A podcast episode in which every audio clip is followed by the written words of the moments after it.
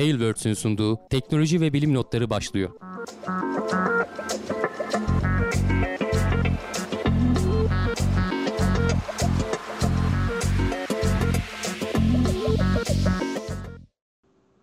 Teknoloji ve bilim notlarına hoş geldiniz. Ben Hamdi Kellecioğlu. Karşımda Volkan Ekmen var.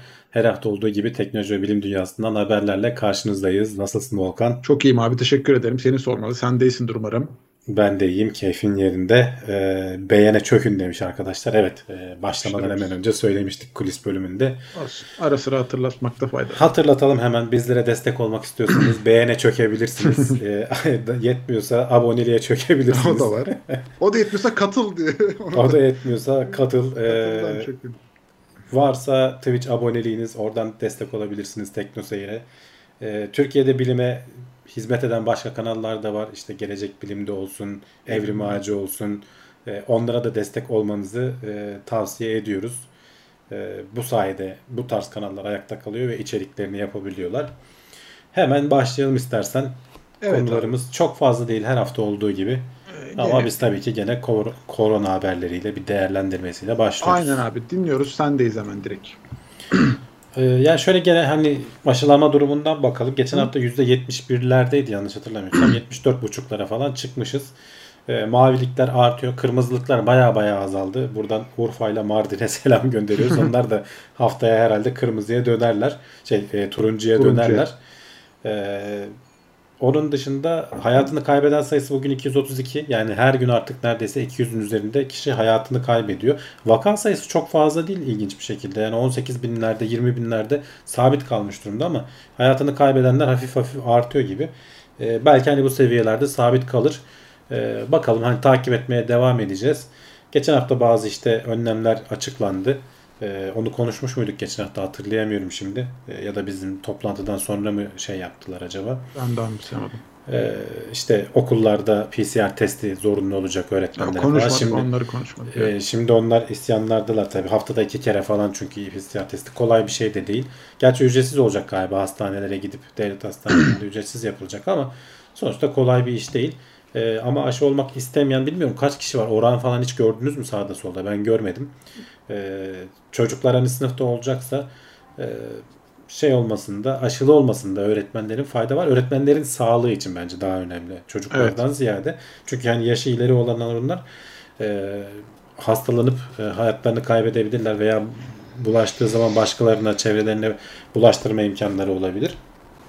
Onun dışında bu hafta e, aşılardan bahsetmişken hemen e, biliyorsun bu aralar bir şey modası oldu. Bu Sinovac gömmece, Biontech övmece modası oldu. Evet evet, ee, evet. Çünkü artık hani ulaşabiliyoruz Biontech'e. Sinovac'a ihtiyacımız kalmadı kafasıyla. Sinovac ee, ikinci plana düştü. Evet ama bir e, şey yayınlandı. E, daha doğrusu ön araştırma e, Çin'de yapılmış ama hani Lancet'te yayınlanıyor. Bayağı şey dergilerden birinde. Güvenilir dergilerden birinde. Ben de Habertürk'te denk geldim. Sinovac'ın hem de Delta varyantına karşı başarımını ölçmüşler. Performansını ölçmüşler. 10.800 küsür denek arasında e, semptomsuz ayakta atlatma, hiçbir semptom göstermeme 2 doz Sinovac'lılar %77.7 delta varyantında. Diğerlerinde daha da artıyor bu oran. Eğer hafif semptomu dahil edersen %87'ye çıkıyor oran. Ölüm %100, ölüme karşı %100 koruyor. Ölüm %100 deyince bir şey oldu ama neyse. Ölüm %100 hepimiz öleceğiz ya. hepimiz öleceğiz onda garanti. onda garanti ama Covid'den değil yani. Daha ileride başka evet, bir şeyden evet. ölürüz. Ee, onun dışında alfaya falan karşı da bakmışlar. Alfa varyantına karşı falan Hı-hı. da bakmışlar. Hatta tek doz olan, çift doz olanların ayrımına bakmışlar. Tek doz olanda da mesela e, şey %65 falan koruyor. İki doz olunca %77'lere falan çıkıyor. E, ve hani Aralık'ta 21 Mayıs'la 18 Haziran arası gerçek hayat testi diyorlar. Nasıl gerçek hayat testi yapmışlar? E, bütün şehri aşılıyor Çin. O şehirden e, delta varyantına yakalananları buluyorlar. Aşılanmışlar arasından. Onları ayırıyorlar. Tek doz aşılanmış, iki doz aşılanmış. Ve onların birinci de, derecede şeylilerine bakıyorlar. E, ne denir? Temaslılarına bakıyorlar. E, çünkü hani kendin yakalanman ayrı bir şey. Bir de seni ne kadar koruyor. Onu da ölçebilmeleri lazım. O yüzden temaslılar üzerinde şey yapıyorlar. Yakın temaslılar. Hani öyle uzaktan yanından geçiyorken temas ettim gibisinden değil. Aynı evde yaşayanların vesairenin falan oranlarına bakıyorlar. E, hatta dediğim gibi Çin'de falan da kalmamış. İşte Kanada varyantı vesaire falan hepsine karşı bakmışlar. E, baya baya koruyor. Yani e, Sinovac deyip şey çöpe atmamak lazım. Hatta araştırmanın sonucunda da şey diyorlar işte bu pasif e, virüs aşıları da e, mRNA aşıları kadar koruyuculuğunu e, devam ettiriyor. Biz de unutmuştuk yani bu şeyleri neden Sinovac ön plana çıktı o dönemleri unutmuştuk diyor Muharrem Sarıkaya. Onun yazısından alıyorum ben bu haberleri. E, bilimsel e, makalenin linkini de bu arada Tekno veriyoruz. Hani merak edenler onu da göstereyim şöyle. E, girip bakabilirler. Burada daha teknik anlamda veriler de paylaşılmış. E, şimdi Sinovac'ın olduğu dönemlerde şeyi de unutuyoruz. BioNTech yoktu. Hakikaten Almanya, Avrupa veya diğer işte Amerika falan top, bol miktarda doz alıyorlardı. Başkalarına satılamıyordu. Biz sadece işte e, kurucuları Türk olduğu için BioNTech'ten belli bir kota alabilmiştik. Onlar da bazı insanlara vuruldu bitti. E, ne zaman ki BioNTech artık üretimi diğer devletlerin stokları doldu daha fazla alamaz noktaya geldiler. Vatandaşlarını belli bir miktar aşıladılar. Ondan sonra biz BioNTech'i e, alabilir hale geldik. O zamana kadar e, Sinovac'la idare et, etmek durumundaydık ve bu da e, bu açıklamalardan hani araştırmalardan görüldüğü gibi e, toplumun önemli bir kısmına koruma sağlamış. Özellikle bir de yaşlılardan yapmaya başladığımızı düşünürsen belki evet, çok iyi avantaj ciddi bir evet yani e, ölümün önüne geçtik diyebiliriz. E, burada keşke hani bu araştırmanın bir benzeri Türkiye'den de çıksa. Geçenlerde hani bir şeyler duyuruldu ama e, o faz 3 çalışmasıydı. Gerçek hayat kullanım sonucu falan değil. Belki ileride çıkar bilmiyorum.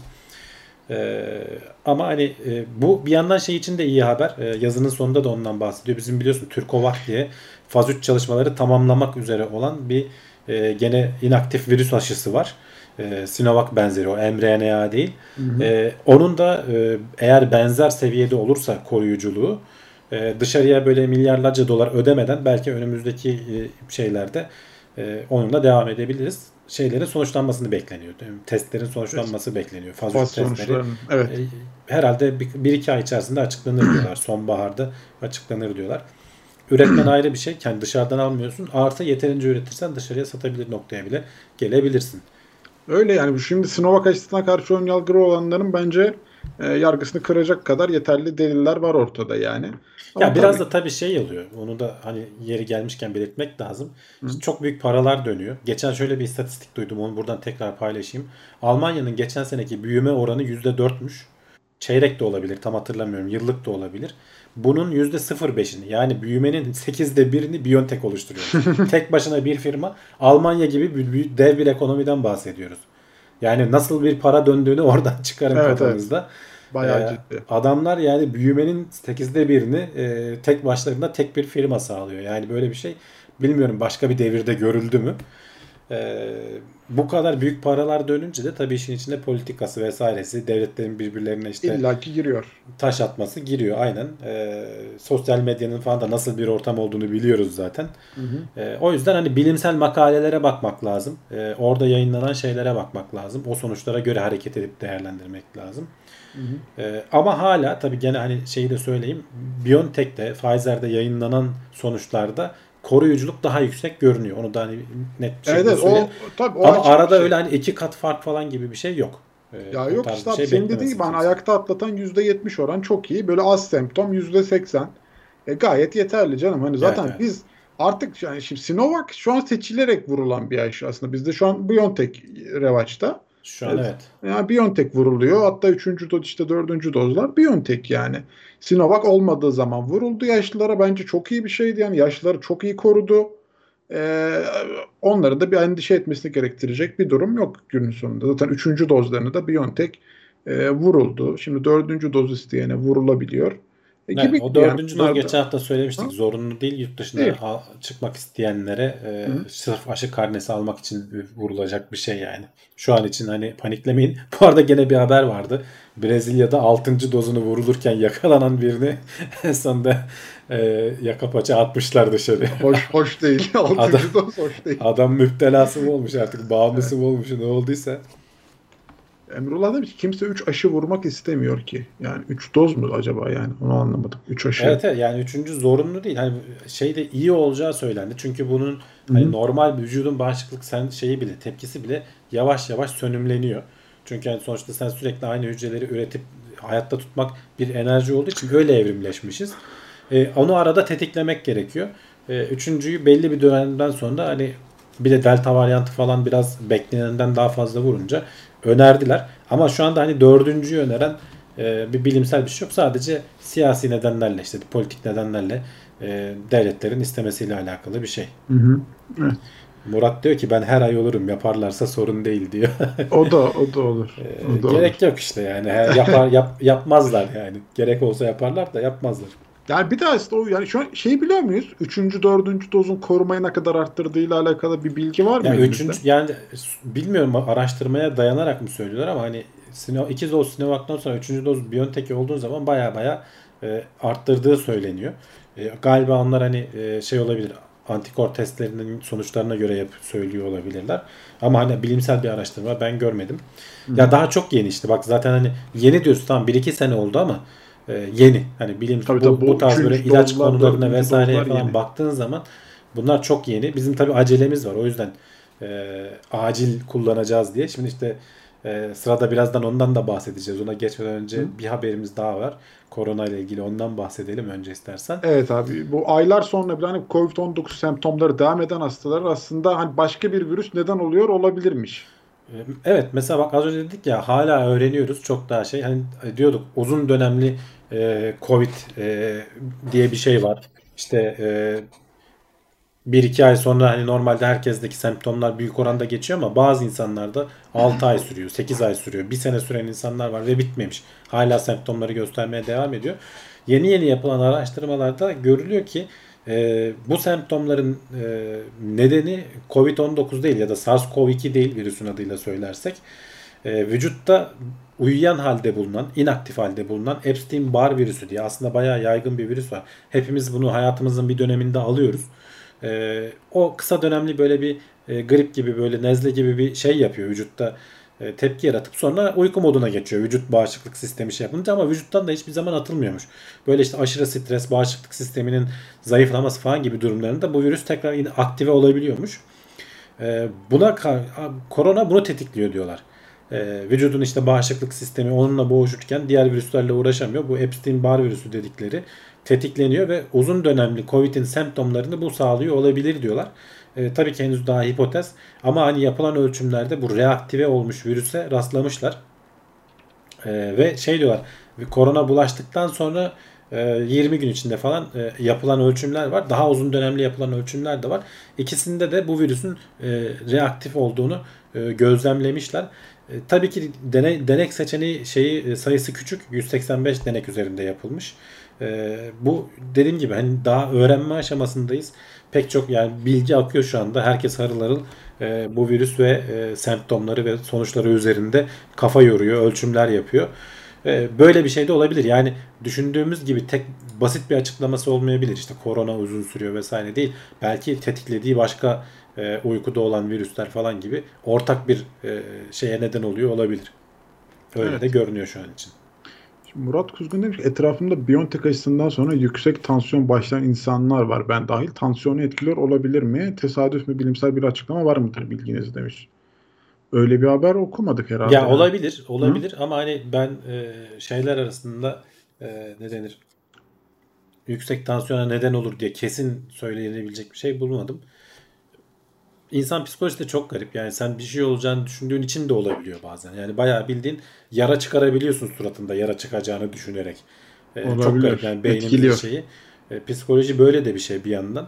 Hı hı. E, toplu böyle hatta bunun tek insan üzerinde değil toplum e, mass hysteria diyorlar ya böyle toplu Hı hı. histeri bir şekilde hastalığa yakalandık zannedip semptomları gösteren insanlar bile olabiliyor. Bunlar da oluyor. Yani sosyal medyada sen televizyonda haberlerde habire böyle şeyler görüp sende de olduğunu düşünüyor olabilirsin ve bu semptomları gerçekten tetikliyor da olabilirsin. Ya da gerçekten de yapıyor olabilir. Bunun işte bilmemiz şu anda mümkün değil. Araştırmaları yapılacak. Şu anda zorunlu olduğumuz için hani bunları acil kullanıyoruz. Şimdi işte sıradaki haber de onunla alakalı Evet. aslında. Ee, bu FDA şimdi Pfizer ve BioNTech aşısına tam kullanım onayını verdi abi artık. Evet şu ana kadar acil kullanım onayıyla ilerliyorduk.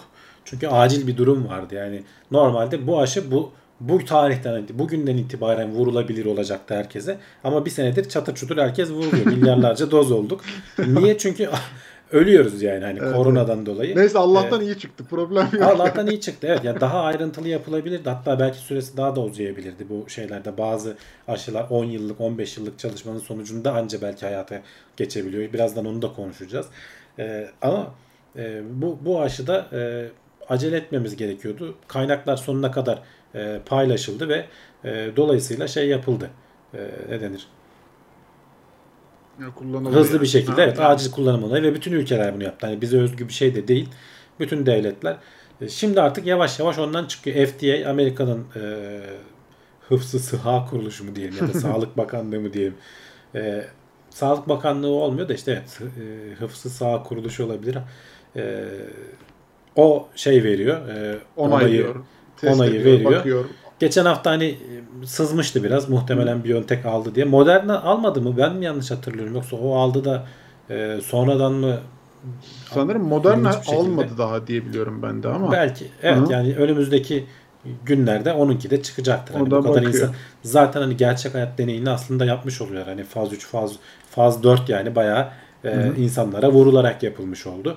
E, bundan sonra hani ama artık onu en azından aşı karşıtlarının elinden bir şey daha gitmiş oldu. Hani onaylanmış bir aşı değil e, diyemeyecekler. Onaylanmış bir aşı artık bu noktadan sonra. E, Tabii ama şimdi hani mesela gene onların şeyi var hani FDA tamam o zaman FDA diyor adam yani. Hani ben ne bileyim Ya diyor. tabii yani. canım O onun adam sonu yok. Ben sadece şey hani yaptığını. şu an söyledikleri bir şey ellerinden gitmiş oldu Öyle diyorum. öyle. Yoksa e, inanmak istemeyen adam inanmayacak. İnanmayacak, onu Şey diyor 5 sene sonra ne olacağı belli değil. Ya 5 sene sonra kimin ne olacağı belli değil zaten yani. Öyle canım. Yani ama şimdi yani belki hani bir iki kişinin bile e, aklını bu düzeltmesine yardımcı olsa hani FDA onaylamış artık bunu diye.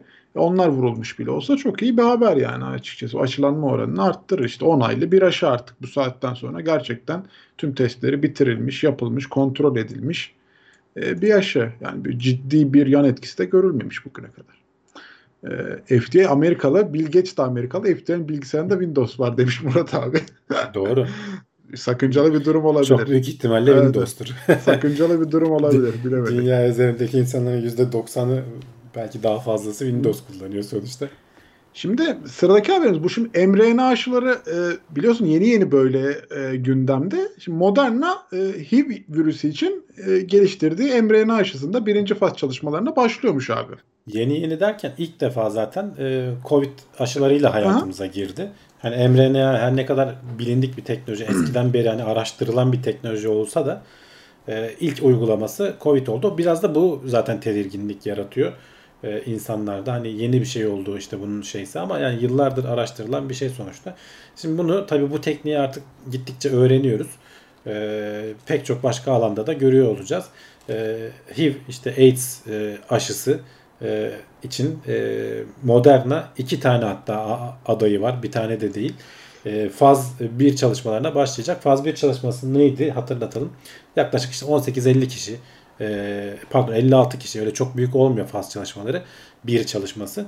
Faz 1'de e, yapılan şey e, sağlıklı insanlara bu aşıyı vuracaklar ve şeyi görecekler.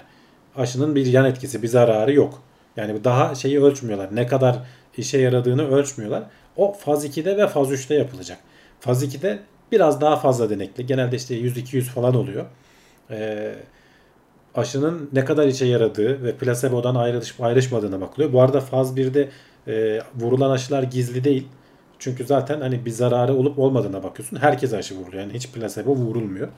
Sadece iki aşı olduğu için şey deneyeceklermiş. 3 4 gruba ayırıyorlar.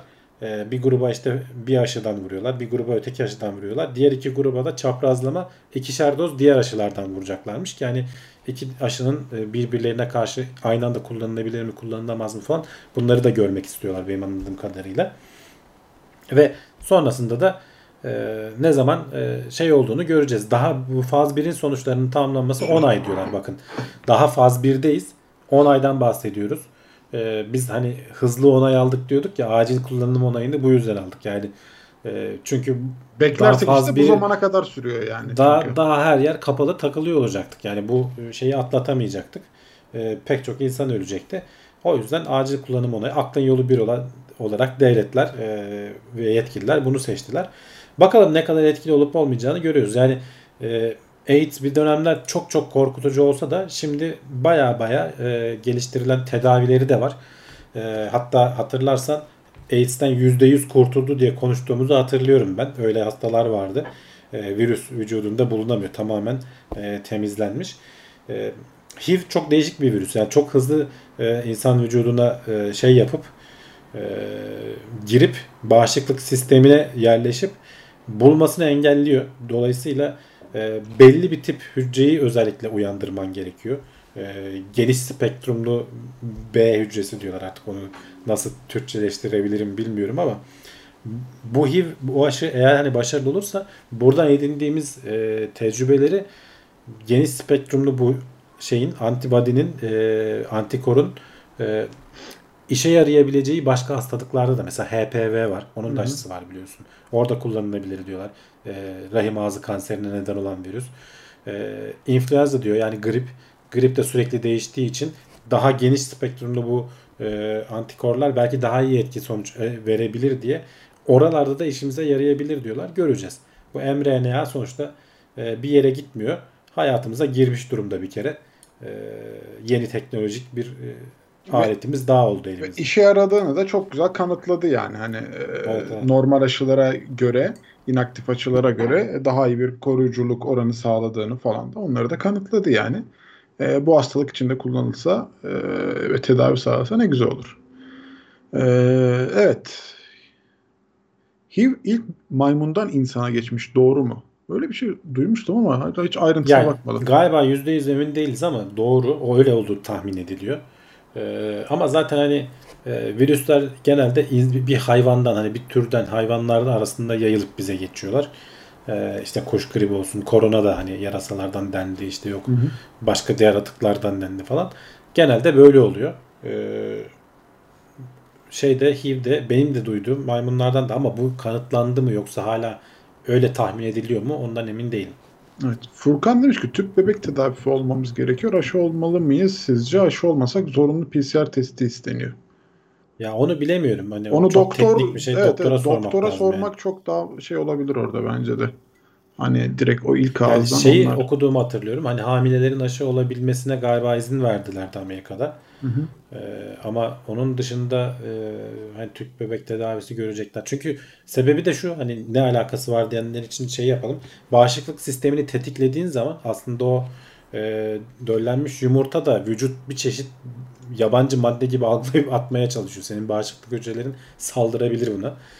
Ee, bağışıklık sistemini hani tetikleyip e, güçlendirdiğin zaman bir şekilde ona etki eder mi falan hani böyle bir ma- mekanizmayla düşünüyor olabilirler. Ee, onun dışında başka hani benim aklıma gelen doğrudan ne yönden etkiler onu bilemiyorum açıkçası. Evet.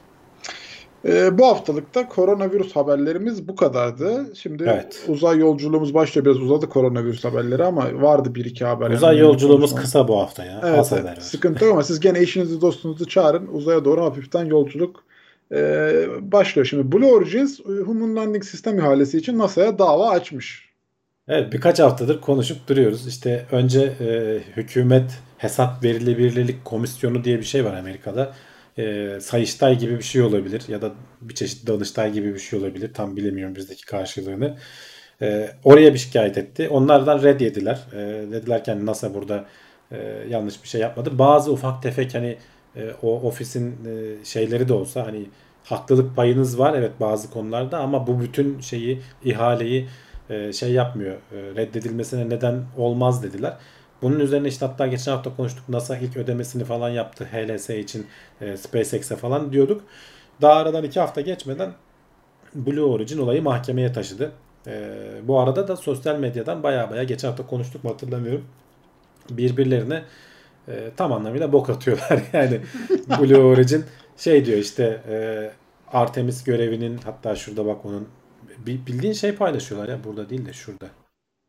E, bildiğin e, infografik paylaşıyorlar işte. Diyorlar ki e, HLS görevi için bir tane SpaceX roketinin aya varması için 16 tane Starship Heavy fırlatılması gerekecek. Bunlar işte atmosferin dışında e, refueling yapacaklar. Yakıt dolduracaklar. O yakıt doldurulan araç aya gidecek falan diyor. Elon Musk bunu e, reddetti. Yani 16 tane uçuk bir rakam. Bu arada e, Blue Origin'in ilk itiraz ettiği noktalardan biri e, diyor ki bu 16 tane uçuş yapmak zorunda. Bunların her birine uçuş hazırlık e, e, testi yapmanız lazımdı. Siz bunu yapmamışsınız. 16 taneyi bir tane uçuş gibi sayıyorsunuz diyor. Ama bunların hepsi ayrı ayrı uçuşlar aslında falan. Bu tabi maliyeti çok arttıran bir şey. Mesela bunu haklı buldu o itiraz ettikleri hükümet e, ne, neydi hesap Komisyonu, verilebilirlik evet. komisyonu. Bu konuda haklı dedi. E, NASA bunu arttırması lazım dedi. Ama hani bu sonucu değiştirebilecek bir şey değil dedi. Ee, Elon Musk da itiraz etti. Dedi ki hani 16 çok uçuk bir rakam. Yani 8 bile değil belki 4 olacak diyor. Çünkü bu Starship'in birinci aşamasının daha doğrusu ikinci aşamasının şu üstteki e, Ay'a inecek aşamanın Ay için olan versiyonu özel tasarım. Pek çok kanatçı bilmem nesi yok. Tekrar atmosfere girmeyeceği için e, pek çok ağırlık atılmış olacak. Dolayısıyla hafiflediği için ve ayın da çekim gücü 1 bölü 6'sı oranında olduğu için 16 tane e, Starship yakıt doldurması gerekmiyor. 4 taneyle biz bu işi halledebiliriz diyorlar. Yani Ay'a bir kere gidebilmesi için Starship 2'nin 4 kere e, kendisiyle birlikte bir kere fırlatılacak o da 5 kere e, Starship'in fırlatma yapması lazım. Aynen sosyal medya üzerinden böyle atıştılar bayağı. Hatta Elon Musk şöyle bir şey de paylaştı. E, Blue Origin'in bir tane şeyi var hatırlarsınız. Bu e, Blue Origin'in Blue Moon dedikleri iniş aracı. Onların da kendi iniş araçları var. Onun şu alt kısmında böyle şişik bir hidrojen tankı var. Bu maketini yaparlarken daha şişirmemişler. Balon balondan yapmışlar şu kısmı. Çünkü bu bir maket hani gösteriyorlar daha. Tam sönük haldeyken e, Musk dalga geçiyor. Pek ikna edici değil diye. Balonunuz söndü havasında. Çok da güzel yakalamış yani. Hani, Evet evet. e, dalga geçeceksen böyle geçmelisin yani.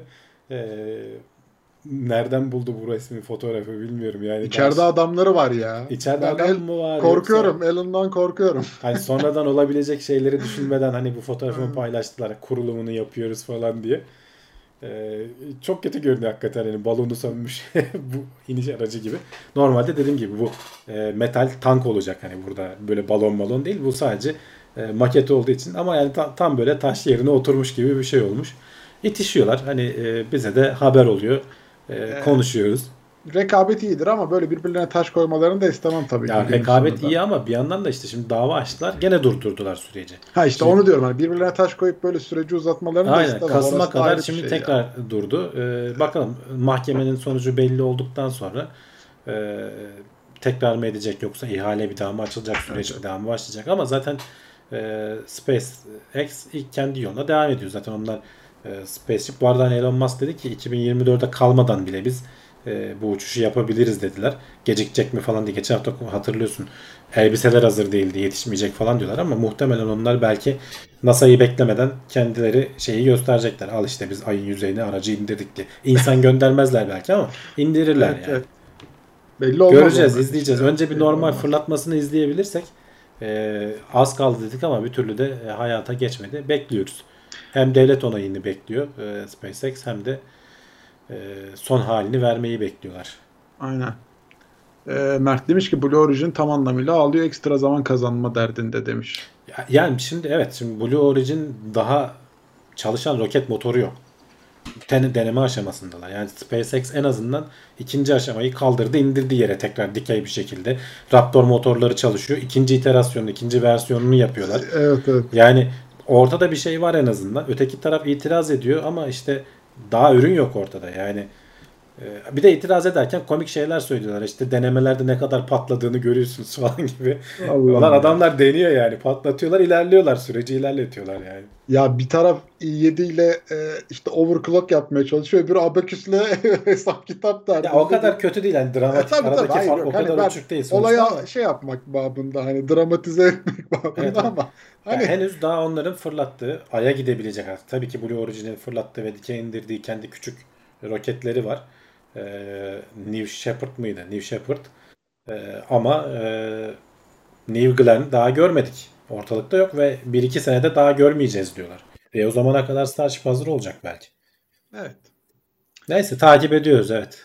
Takipteyiz, takipteyiz. Şöyle güzel gelişmeler gelsin böyle kavgalar, dövüşler değil de o gitti, bu gitti haberlerini bekliyoruz artık. Ee, bakalım. Şimdi e, Gelecek Bilim'de biliyorsun abi bizim dost kardeş kanalımız e, güzel bir içerik hazırlamışlar. Hubble Uzay Teleskobu hakkında bilmeniz gerekenler diye.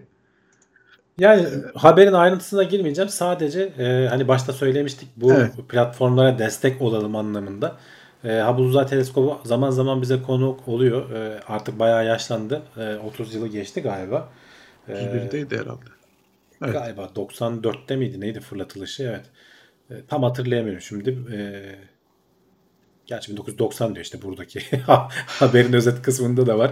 E, hakkında bilmeniz gereken her şey. Asya Demirkol yazmış. E, Cevdet de hani belki ilgisini çeker arkadaşların diye. Bu arada gelecek bilimlerden bahsederken hani sadece YouTube kanalları yok. Burada bayağı haberleri olan e, bir web siteleri de var. O- Ondan da bahsetmiş olalım diye buraya ekledik. E, merak edenler e, işte kısa tarihi, ne zaman başlandı, nasıl oldu, tam fırlatılmasına yakın bir zamanda Challenger faciası oluyor. O yüzden erteleniyor. 80'lerin içindeyken aslında fırlatılması gerekirken 90'lara kalıyor süreç falan. E, sonra fırlatılıyor, e, ayna sorunu yaşanıyor, tekrar bir tamir görüyor falan. Aslında bayağı e, maceralı bir hayat hikayesi var. Ama tabii bir kere fırlatılıp ve hayata girdikten sonra da çok kıymetli görüntüler verdi. Yakın zamanda bu eğer bir gecikme olmazsa James Webb Uzay Teleskobu e, Hubble'ın pabucunu dama atacak. E, onu bekliyoruz artık. Hani onun Evet evet. Kasım'da galiba fırlatması yanlış hatırlamıyorsam. Eğer dediğim gibi gecikme olmazsa o da gecikmesiyle ünlü çünkü habire e, bir şeyler ertelenip ertelenip duruyor. Aynen. Yani seneler oldu ertelenen öyle söyleyelim. Neyse geç olsun güç olmasın. Tabii tabii güzel şöyle gitsin yerine otursun.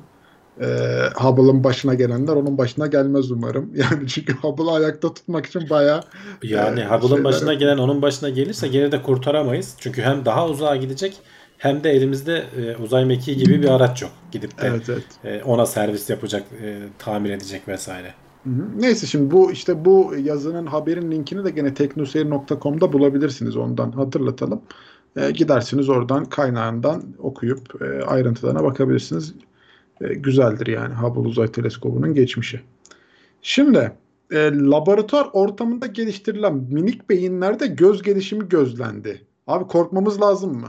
Bu haber e, herkesin Ha? çok ilgisini çekmiş. E, Teknoseyir'de 3 farklı kişi paylaştı böyle Teknoseyir teknoloji ve bilim not- notlarına malzeme adı altında.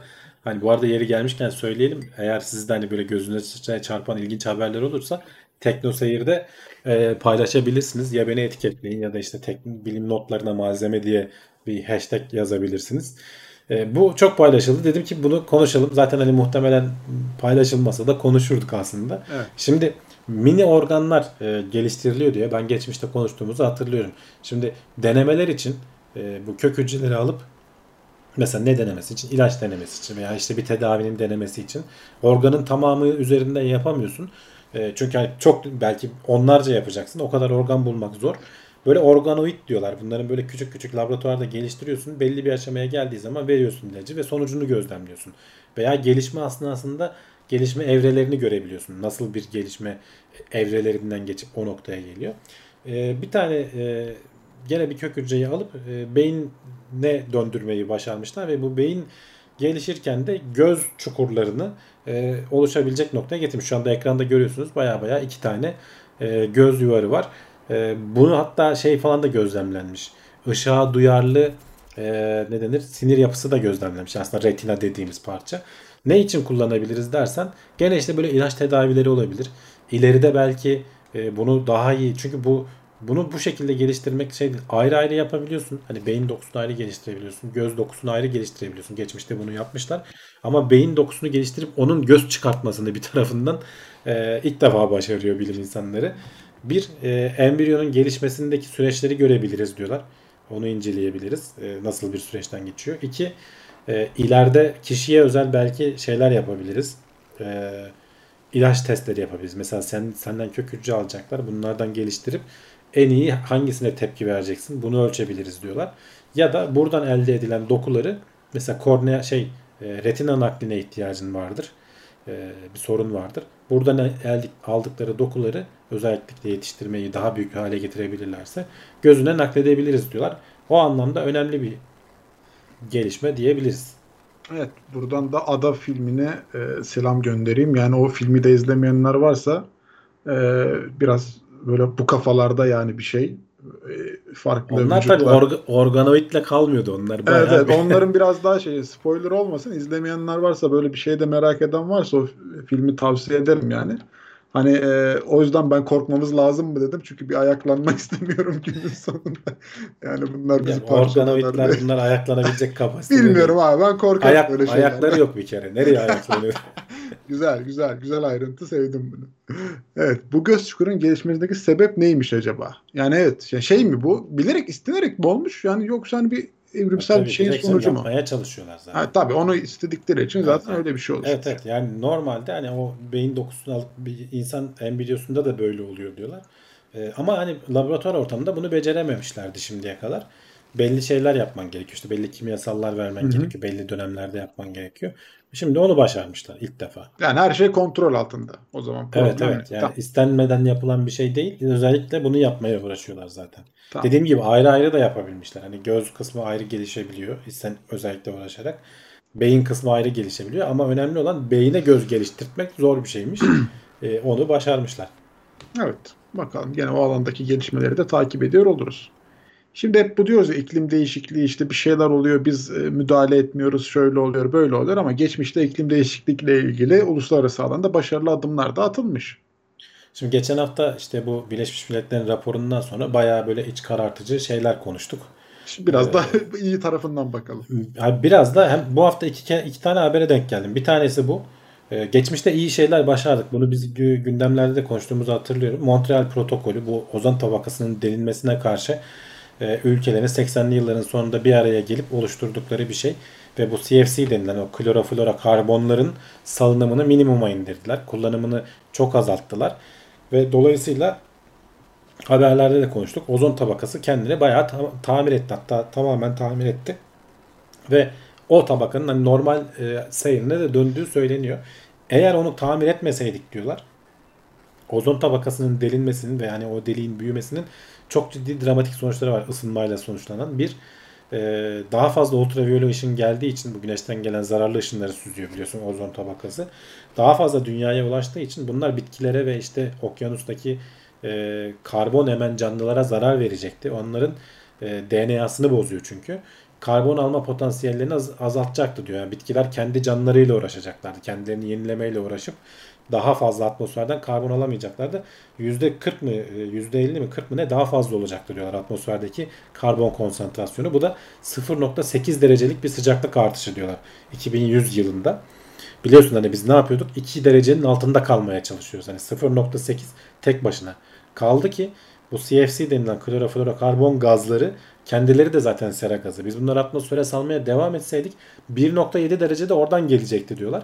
Toplamda 2.5 derecelik bir şeyi önledik diyorlar. Sırf bu Montreal protokolüne bütün dünyadaki e, devletlerin uymasıyla. Yani bir araya gelip hani pek de bir şey yapamıyoruz diyoruz ya aslında istenildiği zaman yapılabiliyor. Tabii biraz ekonomik anlamda da nispeten kolay olması gerekiyor herhalde ki e, demek ki bu CFC gazlarının yerine geçebilecek alternatif gazlar vardı. Onu yasaklayıp yoksa alternatifi çok pahalı olsa kimse geçemezdi. Hani biz öyle öyle öyle. e, kendimizi yerdik yani. Evet, Şu evet. an e, yani 2030'larda falan çok çok daha hani şimdi iklim ısınması falan diyoruz bayağı o zaman kavrulurduk diyor adamlar.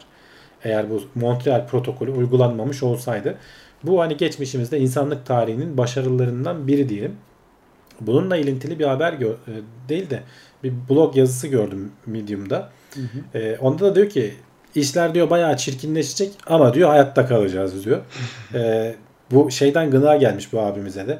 İşte öldük bittik iklim e, bizi bitirecek işte geri dönülmez noktaya geldik falan filan. Bunlar diyor e, doğru değil. İnsanlara e, şey pompalamanın alemi yok. Evet çok kötü bir noktadayız ve işler gerçekten çirkinleşecek diyor. Ama insanlık tarihi zaten bunlardan oluşuyor diyor. Burada bir sürü örnek vermiş. Merak edenler e, yazıyı okusunlar. İnsanlık tarihi bunlardan oluşuyor. Mesela neden oluşuyor? Bir kere biz e, tarımdan önce avcıydık. E, bir, bir e, hipoteze göre tarıma geçmemizin nedeni avlayacak hayvan bırakmamamız. Zorunda kaldığımız için önce toplayıcılığa geçmişiz.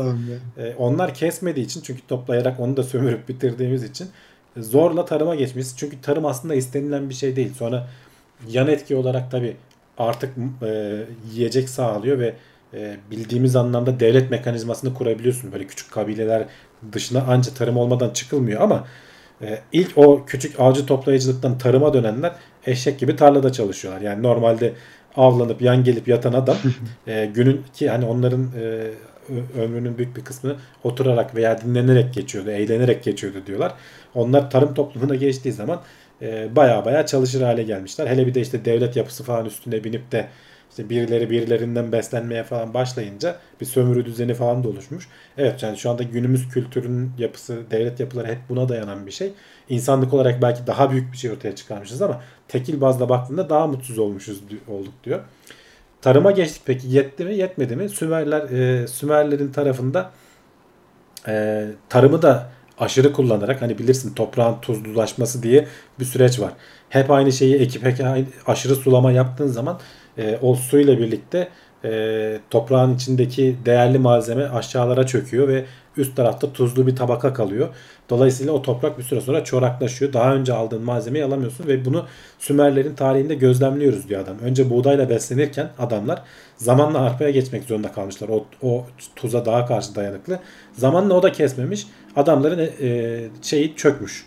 E, medeniyeti çökmüş. Başka yerler hani şehirler terk edilmiş. E, devlet yapısı artık kullanılama kul, e, çalışmaz hale gelmiş ve herkes dağılmış. Yani o şeysi gibi hani medeniyetin çöküşü gibi bir şey. Ama diyor ki hani bunlar evet çok acılara neden oldu vesaire falan ama insanlık yok olmadı. Başka yerde başka şekilde çözümler bulduk diyorlar.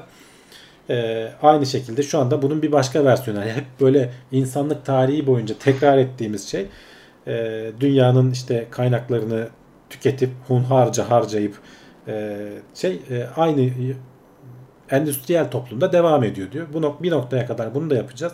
Bir yerden sonra e, bir çözüm mutlaka bulacağız. Hani çok çirkinleşecek de değil. Şey noktasına kadar gidiyor.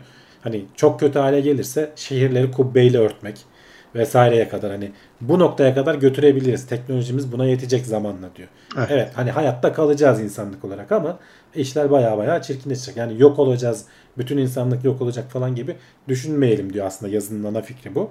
Bir yandan da iyimser olmak gerekirse de diyor ki 2030 yılına kadar diyor zaten doğru düzgün şey görmeyeceğiz. Bu arada sıcaklıklardan falan da bahsetmiş. Onu geçen hafta konuştuğumuz için tekrar burada girmiyorum.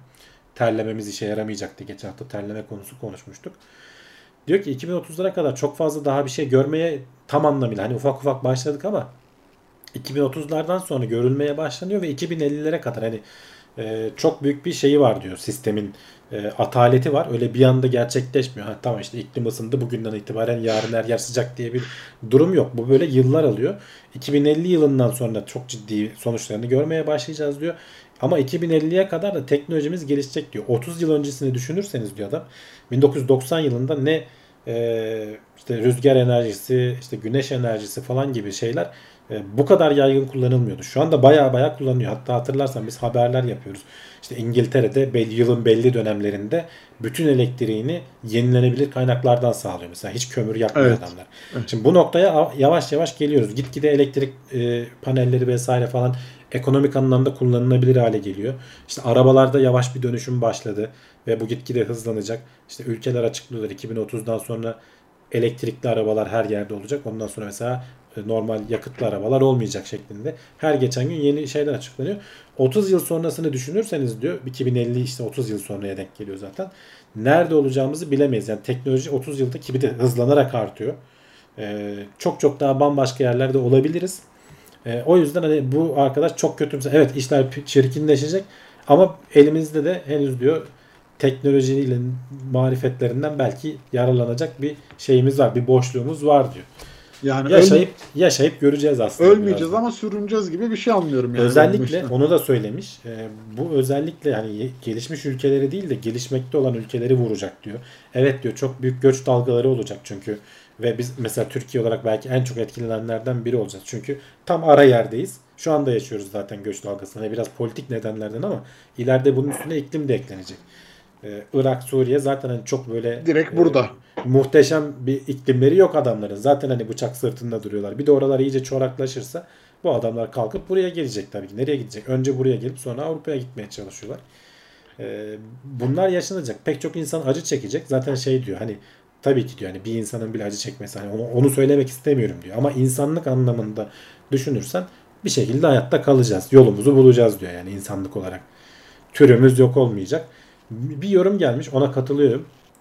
Demiş ki fazla insan merkezli düşünüyorsun böyle bir yazı oldu demiş. E, öldürdüğümüz, yok ettiğimiz o kadar canlı ne olacak? Tabii ki bu iklim değişimi pek çok canlıyı da etkiliyor. Kesinlikle. Onlarla ilgili de onlardan bahsetmemişsin demiş. Adam da evet dedi. Haklısın diyor yani. E, ama hani zaten hani yazının konusu biz yok olmayacağız aslında. İnsanlık. Gene benciliz, gene benciliz. yani. Gene benciliz aynen. Yani zaten bak- dünya dünyanın içine ediyoruz. Üstümüze kubbe kurup hayatta kaldık diye seviniyoruz yani günün sonunda E, aslında. o noktaya gelince yani ölüm kalım noktasına gelince kubbe kurup hayatta kaldık diye seviniyorsun. Evet. Evet evet yok yani orası öyle de işte aslında yani nokta şu bizim şu an buna müdahale edebilme şansımız var. Etmiyoruz en son anı bekliyoruz yani her zaman olduğu gibi. Ee, gene işte hayatta kaldık diye sevineceğimiz anı bekliyoruz. Bilmiyorum tabii ki evet yani ki, tabii ki doğru. Hani belki evet günün sonunda ölmeyeceğiz ama böyle bir hayatı da istiyor muyuz? Ee, oturup düşünmesi lazım ya bence bu ülkeleri yönetenleri insanların. Yani- düşünüyorlar, düşünüyorlar. Herkes farkında e, ama aksiyon almak çok zor. İşte yani bilmiyorum. İşte şu Montreal protokolünde yaşadığımızı hani bu iklim anlaşmasında da bu Paris anlaşmasında da uyarlayabilmemiz lazım mesela. Yani işte büyük ülkeler küçük ülkeleri yiyecek yani. Onlar diyecek ki biz günün sonunda hayatta kalıyoruz yani. E, Bizim gibi belki de gelişmekte olan ülkeler senin de dediğin gibi hani göç dalgaları bilmem neler bizim belki o kubbe yapacak teknolojimiz o ara olmayacak bir şey olacak ya da bizden daha kötü durumda olanlar. E, hayvanlar, e, iklim ve dünya hakkında zaten bir şey demiyorum. Adam da yazmamış zaten. Evet. Bakalım yani. Arılar öldüğünde insanlığın sonu gelecek deniyor. Arılarla Ya alakalı o kadar o kadar dramatik olur mu bilmiyorum ama çok önemli bir tabii ki şey arılar e, ekosistemde parçası var. E, tabii onlar kadar da film de vardı yani arılar gidiyor diye insanlık çöküyor. B-movie. E, ama evet bilmiyorum ne kadar etkisi var. Tabii dö- şey bu e, çiçeklerin döllenmesinde şeyle katkı Çok önemli. Tohumlanmasında. Evet evet. Şimdi Gene geçelim sıradaki haber bak insanlığın e, doğada değiştirdiği Bir canlılardan bir örnek. yani evet bazı memeli hayvan türleri beklemedik bir şekilde büyüyormuş abi. Evet, niye beklemedik diyeceksin. Yani. Evet. Niye büyüyor bu hayvanlar? Şimdi neyi bekliyorduk? Niye küçülmelerini bekliyorduk? Önce ondan bahsedelim. Şimdi küresel ısınmadan bahsediyoruz. Şimdi sıcak iklimlerde hayvanların vücut ölçülerinin küçülmeye eğilimleri var. Hatta bunun bir ismi var. Şuradan bakayım. Ee, Bergman's Rule deniyor buna. Bergman kuralı. Ee, hatırlarsan hani böyle soğuk yerlerde e, canlıların vücutları çok büyük olur. Çünkü dış e, vücudun büyüdüğü zaman hacmin küple artarken yüzey alanın kareyle artıyor. Dolayısıyla bir daha verimli bir şey oluyorsun.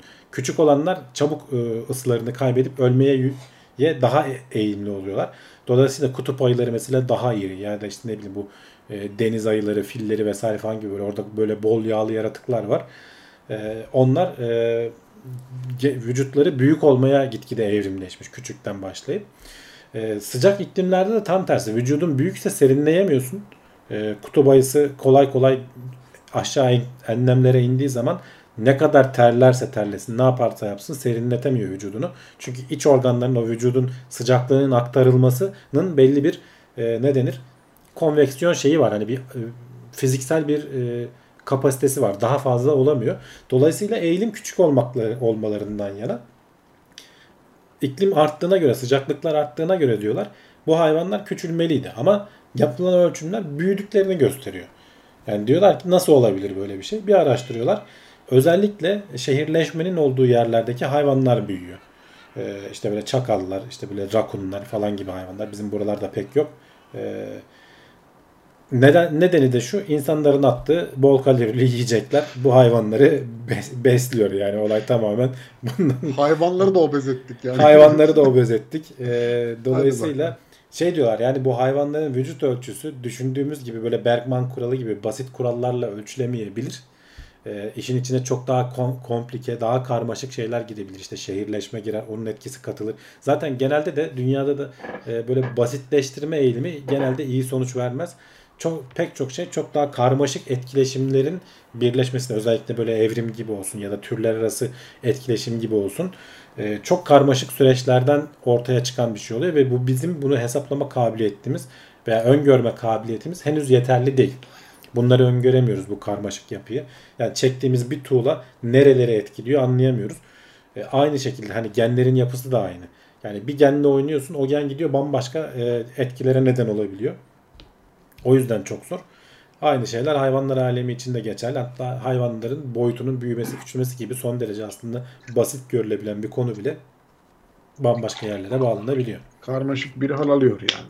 Evet. Ama bunlar herhalde hani bulunup hani o demek ki belki de insan türleriyle çok etkileşimli olan yerlerde mi oldukları için onlar Ya şehir ve şehirlerin çevresi işte. Yani Ha. hani oralarda takip ediyorlar demek ki. Yani bu hayvanların boyutlarını vesaireyi falan. Biliyorsun hani onlar özellikle Avustralya vesaire falan onlar bu tarz şeylere çok Elverişli. kay- kaynaklar ayırıyorlar hem de elverişli. Ee, bilmiyorum. Kedilerin de mesela belki büyümüştür bizim bizim buralarda da kedileri iyi besliyor. Sırtlan gibi oluyor hayvanlar yani. Yani zaten ev kedilerine diyecek bir şey yok. Ev kedileri yata yata hani hiç köpekten de kaçmadığı için günün sonunda evde öyle Aynen. oturuyorlar yani. Bizim bir arkadaşın kedisi vardı yani bir tane orta sehpaları var. Orayı kaplayacak artık yani o kadar büyümüş. O nasıl bir kediyse bilmiyorum. Hani hiçbir şey yapmıyor çünkü kaçacak kovalayacak bir şey yok. Evet, Yemek evet. geliyor yatıyor iki uzanıyor karnının üstüne seviyorsun. Gidiyor yani günün sonunda. Onlar ayrı bir kafa yapısı. Hani sokak hayvanları gene bir şeylerden kaçıyor. Şeyle oynatmak lazım kedileri. Lazer pointerla oturduğun yerden çok rahat oynatıyorsun. Deli gibi O koşturuyor. zaman ama onu evde yaparsan var ya televizyon, televizyon, cam, çanak. Doğru yerlere tutacaksın canım. Televizyona tutma sen de. Kediden belli olmaz abi. Kedi tavana bile çıkar. Ben korkarım kedi. Hayır, sen lazeri doğru yere tutur. Usturuplu yere tutarsan bir şey olmaz. evet evet. Ee, şimdi acaba kulis bölümünde de konuşuyorduk ön kuliste. Şimdi buraları şeydekiler bilmiyorlar podcast'tekiler ama orayı da hatırlatmış olalım. Biz yayınlarımız e, her pazartesi 22.00'da başlıyor. Fakat onu ön- bir 10 dakika öncesinde böyle ön bir kulis yapıyoruz. Bir geliyoruz açıyoruz sohbet muhabbet stresimizi atıyoruz. Ee, orayı da hatırlatmış olalım. Canlı yayınlara da bekleriz e, bizi podcast'ten dinleyenleri. Ee, her pazartesi 22.00'da. Şimdi dilimin ucunda durumu bir grup içerisindeyken daha fazla görülüyor. Yani evet çok başımıza geliyor bu. Dilimin Ya- ucundaydı ya diyoruz. Evet tam da hakikaten kuliste bizim başımıza, Başımıza geldi. geldi. Yekta'nın adını hatırlayamadık. Ya tam dilim ucunda neydi bu arkadaşın adı? Ya dur şimdi çıkıyor. Hatta sen dedin Y ile başlıyordu galiba Evet, dedin. evet. Haberde de tam da ondan bahsediliyor. Genelde böyle durumlarda ilk hecesini, ilk harfini hatırlayabiliyorsun. Hece sayısını falan hatırlayabiliyorsun. Bildiğinden eminsin ama bir türlü çıkaramıyorsun. Gelmiyor o e, kelime. Şimdi bunu araştırıyorlar tabii hani bilim insanların beyinde ne oluyor da böyle oluyor falan. Yani bu belleğin anlık olarak çökmesi mi yoksa ne bileyim işte başka bir etki mi devreye giriyor falan. Ee, işin yani bunu araştırmak da zor bir şey. Yani bir insanda dilimin ucunda etkisini tetiklemek nasıl iste- isteyerek yapabileceğim bir şey değil. Hani istemeden bazen oluyor ama hani bazı te- testler varmış. Yani çok bilinmeyen kelimelerin e, anlamlarını veriyorlar sana. Kelimeyi istiyorlar senden. E, o zaman mesela 80 kelime veriliyorsa tekil bazda e, ortalamada iki kere dilimin ucunda etkisi tetikleniyormuş insanlarda deneklerde. Ama bir grup halinde olursan ortalamada 6 kereye çıkıyormuş. Yani bu araştırmada ona bakmışlar. Hani 60'lardan beri bu dilimin ucunda etkisi e, araştırılan bir şey ama bunun grup etkisi araştırılmamış. Hani böyle esnemenin grup etkisi falan bilinir, sosyal etkileri falan bilinir de dilimin ucundanın da sosyal etkisi varmış. Yani bir grup halindeyken e, daha fazla gerçekleşiyor. Tam sebebini bilmiyorlar. Hani tam olarak neden oluyor diye. Ama şey diyorlar hani eğer konuşuyorsan o esnada verdiği ipuçlar e, sende şey etkisini daha fazla uyandırıyor. Biliyormuş hissini daha fazla uyandırıyor. Lan hatırlıyorum galiba falan diyorsun. Böyle grup halinde tetikleniyor. Böyle bir şey olabilir diyorlar. E, benim de hani fikrimce şey bu yani dilimin ucunda etkisi neden geliyor? Hemen niye böyle bellekten okunamıyor? E, bu haberde ondan bahsetmiyor ama şöyle bir şey olabilir. E, hani eğitimli bir tahmin yaparsak. Şimdi bizim belleğimizde şeyler e, hard diske yazılır gibi yazılmıyor. Çok daha beynimizin verileri depolama çok daha farklı yöntemleri var. Özellikle bu sinir ağlarında yapay zeka ile falan uğraşanlar da bilir.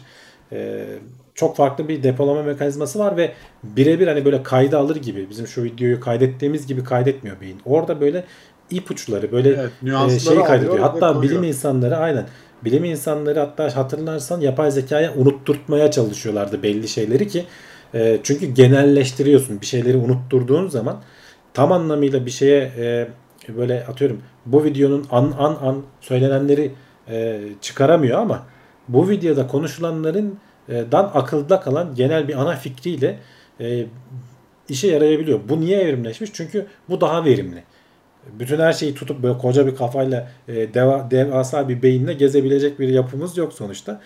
E, onu beslemesi, büyütmesi de zor. Hem de yavaş. Bu veriyi okuma vesaire falan gibi durumları da var.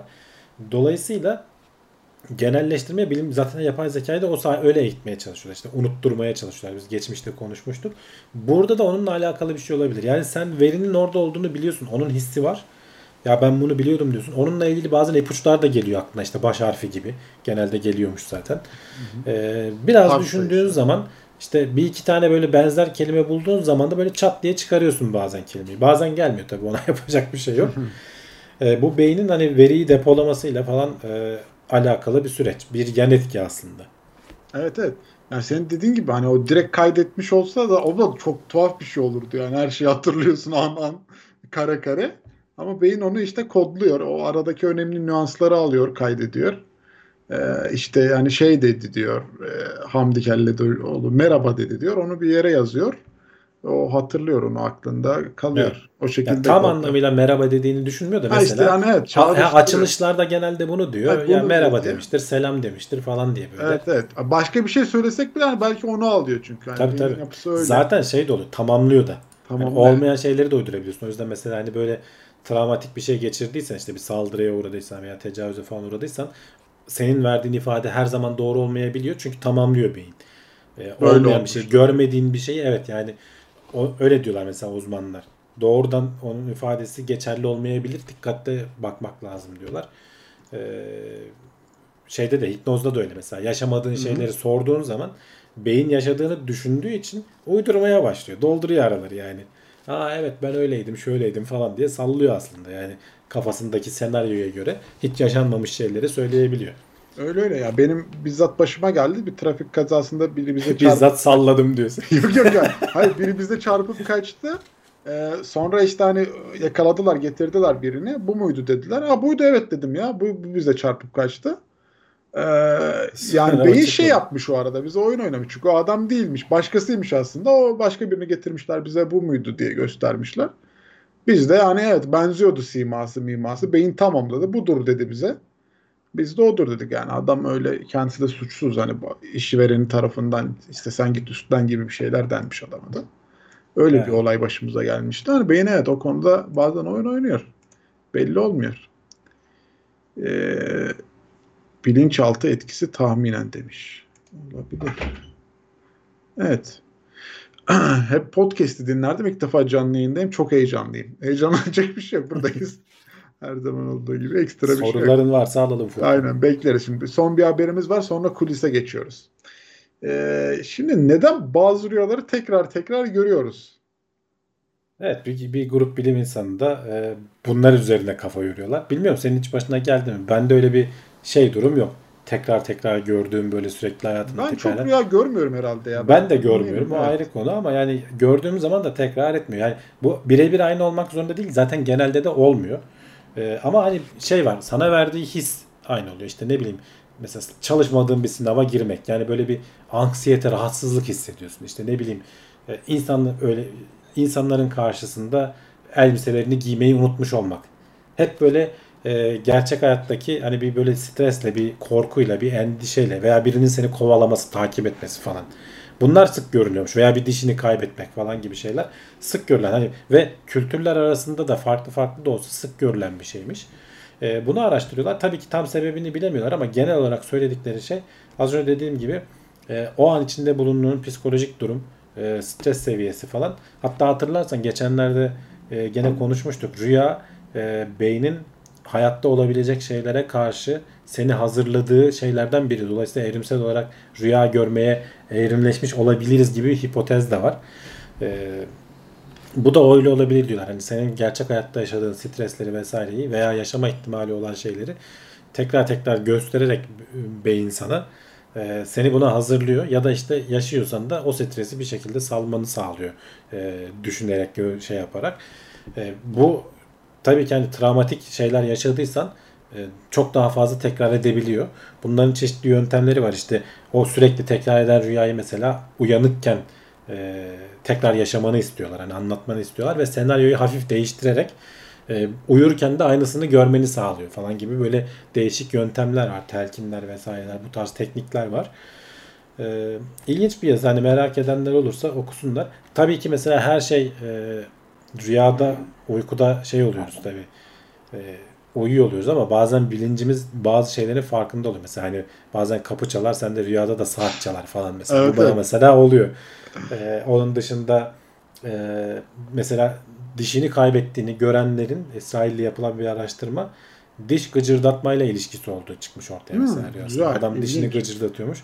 Onlar daha çok dişini kaybettiğini görüyormuş rüyada falan. Ee, böyle e, ilginç bir yazı. Tabii ki teori yani bunları ölçmek, değerlendirmek çok zor şeyler. Ee, hem işin psikolojik boyutu var hem de rüya gibi, uyku gibi pek çok ayrıntısını bilmediğimiz hala bir gizem gizemini koruyan şeyler var. Evet. Yani bilinç o ara e, dinlenme aşamasında ama işte bazen o stres, sinir ya da sevinç, heyecan. Şeyden bahsederler mesela bazen hani karabasan denir ya böyle hareket edemezsin vesaire falan. Onun da mesela sebebi diyorlar ki e, uyku esnasında e, o REM uykusunda özellikle e, kasların şey oluyor diyorlar paralize oluyor yani felçli duruma geçiyor kontrol edemiyorsun.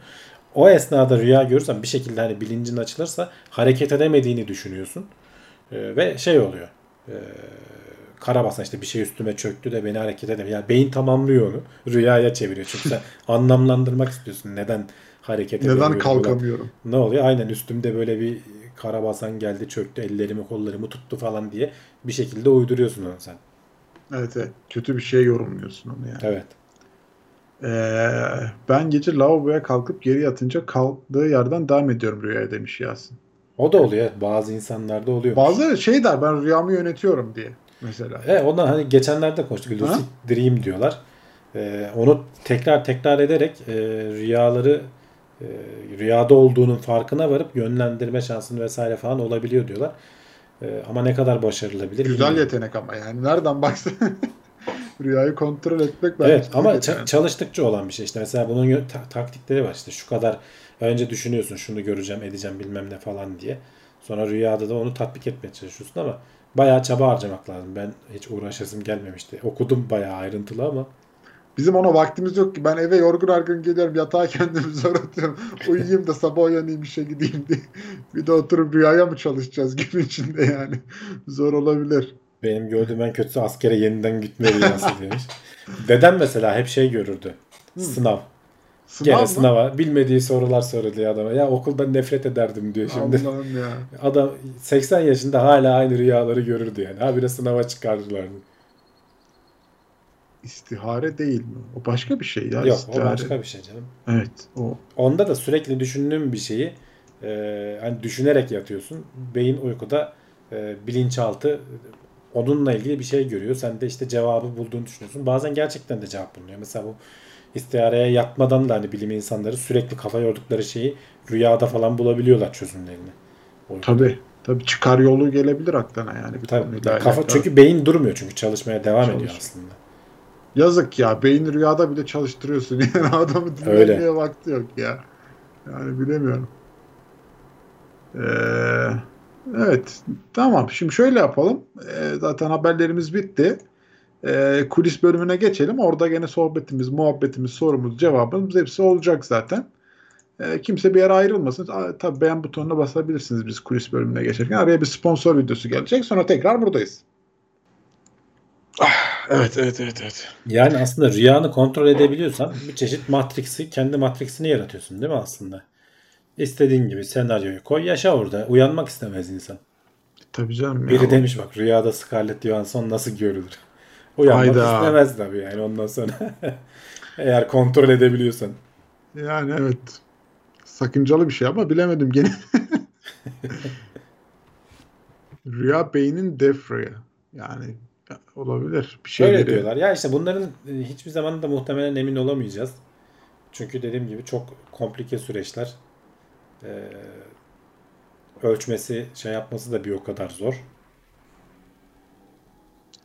Rüyayı kontrol ettiğimizi sandığımız bir rüya görüyor olma ihtimalimiz Evet, nedir? bunun, bunun sonu yok Gürcan. Bu, evet böyle gitmez bu. Böyle gider yani. Şey gibi aslında hani e, birinin işte şeyinde mi yaşıyoruz aslında rüyasında mı yaşıyoruz? Of. Of. Bir simülasyonda mıyız falan. İşte. Zaten direkt sıradaki de olmuş. Yani yaşadığınız hayat rüya ise diye sorarsak da olur. Ya bunlar tabii hani çok eski insanlardan beri hani filozofların falan bile sorduğu temel şeyler insanların aklına gelen. Ama cevabı olmayacak şeyler. Hani belki de öyleyse ne bileceğiz yani. Şey evet yani bilmiyorum ben hafızamızdan çok böyle zayıf bir insanımdır. Rüya görüyorsam da unutuyorum ya. Hani emin olamıyorum rüya görüp görmediğimden. Ben de çok çok az Bazen görüyorum. görüyorum ama ne gördüğümü hatırlamıyorum. Onu kesin unutuyorum. Evet. Bazen şöyle oluyor. Ee, rüya görüp de uyanırsam e, onu tekrar etmem lazım kafamda. Yoksa kesin unutuyorum. Ama hemen kafamda şey yaparsam ha lan bak şunu görmüşüm ne ilginçmiş dur şunu hatırlayayım sabahleyin falan dersem o zaman e, unutmuyorum. Ama biraz üzerine düşünmem lazım. Yani o da demek ki beynin farklı yerlerine falan yazılıyor. Şeyleri mesela hiç hatırlayamıyorum. Rüyada mesela şeydir sizde de öyle mi bilmiyorum da insanların yüzleri mesela böyle çok ayrıntılı değildir. O insan olduğunu bilirsin. e, hissedersin onu ama yüzünü mesela böyle net hatırlamazsın. Benim için öyle en azından. Zorlayıcı bir şey ya. Direkt ayrıntıları net hatırlamak. Hani bir de yüz diyorsun. Hani bayağı bir simayı çıkarmak zordur. Her ayrıntıyı hatırlamam Rüyalar lazım. söylendiği kadar kısa mı? 5-10 saniye gibi. Evet öyle görünüyor. Yani onda nereden varıyoruz? O beyin aktivitelerini falan ölçüyorlar. MR'la falan gibi bakıyor. Evet, e, göz hareketleri falan sonra REM dediğimiz zaten Rapid Eye Movement'tan geliyor açılımı. Hani hızlı göz hareketi. O esnada zaten rüya görüyoruz deniyor. Daha çok. E, o onlar hakikaten de kısa sürüyor. Uyurken birden boşluğa düşme hissiyle uyandınız mı hiç? Ben uyandım. Çok çok uyandım. O, O da, oluyor. o da tuhaf bir kafa yapısı yani. Ya o da şey diyorlar. Gene işte bu REM uykusu esnasında beyindeki o şey orta kulaktaki şeyler var ya. Pardon, iç, iç kulaktaki o kanallar var ya dengeyi sağlayan. Evet. Onlar bir anda uya- uyarılıp e, beklenmedik sinyaller verdiğinde falan yaşadığım şey. Hani bu diş gıcırdatma gibi. Beyne böyle anlamsız bir sinyal geliyor. Beyin de onu düşüyorum olarak e, yorumlayıp sana onun senaryosunu oluşturup yazıyor. Bana mesela şey de olurdu. Sadece düşme değil suratıma böyle bir top atarlardı mesela basketbol oynarken. Bir o kötü top be. yani böyle o yanık hissiyle uyanırsın o zaman. kötü bir şey. Aynı etkiyi veriyor. Düşme gibi. Yani o an böyle ani çekilme falan. Bir anda uyanıyorum böyle mesela falan. Yüzüne Bir bir iki şey kere öyle de oldu. Rüyamda karşımda kendimi görmüştüm. Korkutucu demiş. Rüyanda aynaya bakıyormuşsun. Çok iyi. Ya biz bir şey biz bir ara daha böyle rüya yorumlamıştık ya. Ben hatırlıyorum. Evet evet. Aynen. Çünkü rüya- lucid, rüya. lucid, lucid dream'le, lucid, lucid rüya ile ilgiliydi. Evet, evet. Yine böyle yüzün abla olmuştuk rüyalarınız hayır olsun diye. Ama buna para almamız lazım yani bizim. Böyle rüya yorumlayacaksak. Aa bu arada dur biri katılmıştı. Biz onu atladık ya orada çok şey yaptık. Ee, söyleyelim Hasan Karataş 5 aydır üyemizmiş. Teşekkür ediyoruz. Ee, eksik olmasın destek grubuna gelmiş. Sen bilirsin bak bunu. Bu telefon şarj eden güneş panelleri var diyorlar. %19 verimli. Bunlar gerçekten powerbank falan şarj edebilir mi diyor. Ya şey yani powerbank şarj edebilir misin? Şundan verdiği akıma bakmak lazım yani kaç volt kaç amper veriyor. Bir de o ne kadar güneşi aldığına da bağlı. Verimliliğini e, şimdi ürünü görmeden bir şey demek çok zor yani. Hani onu ürünü tam bilsek kaç volt kaç amper veriyor diye de hayat kurtarabilir belki yani telefonu açık tutabilir. Ama powerbank'i oturup onunla şarj eder misin sanmam. Ne kadar sürede edersin veya. Yani hep güneş alman lazım. Ama nerede işe yarar? Ya böyle kampa mampa gidiyorsan falan belki işe yarar böyle şeyler. Onun dışında Zor. lazım Onun dışında zor. Yani o güneş paneli taşıdığın masrafa değer mi sanmam yani onu yaptığın masraf, taşıdığın ettiğin bir şeyler.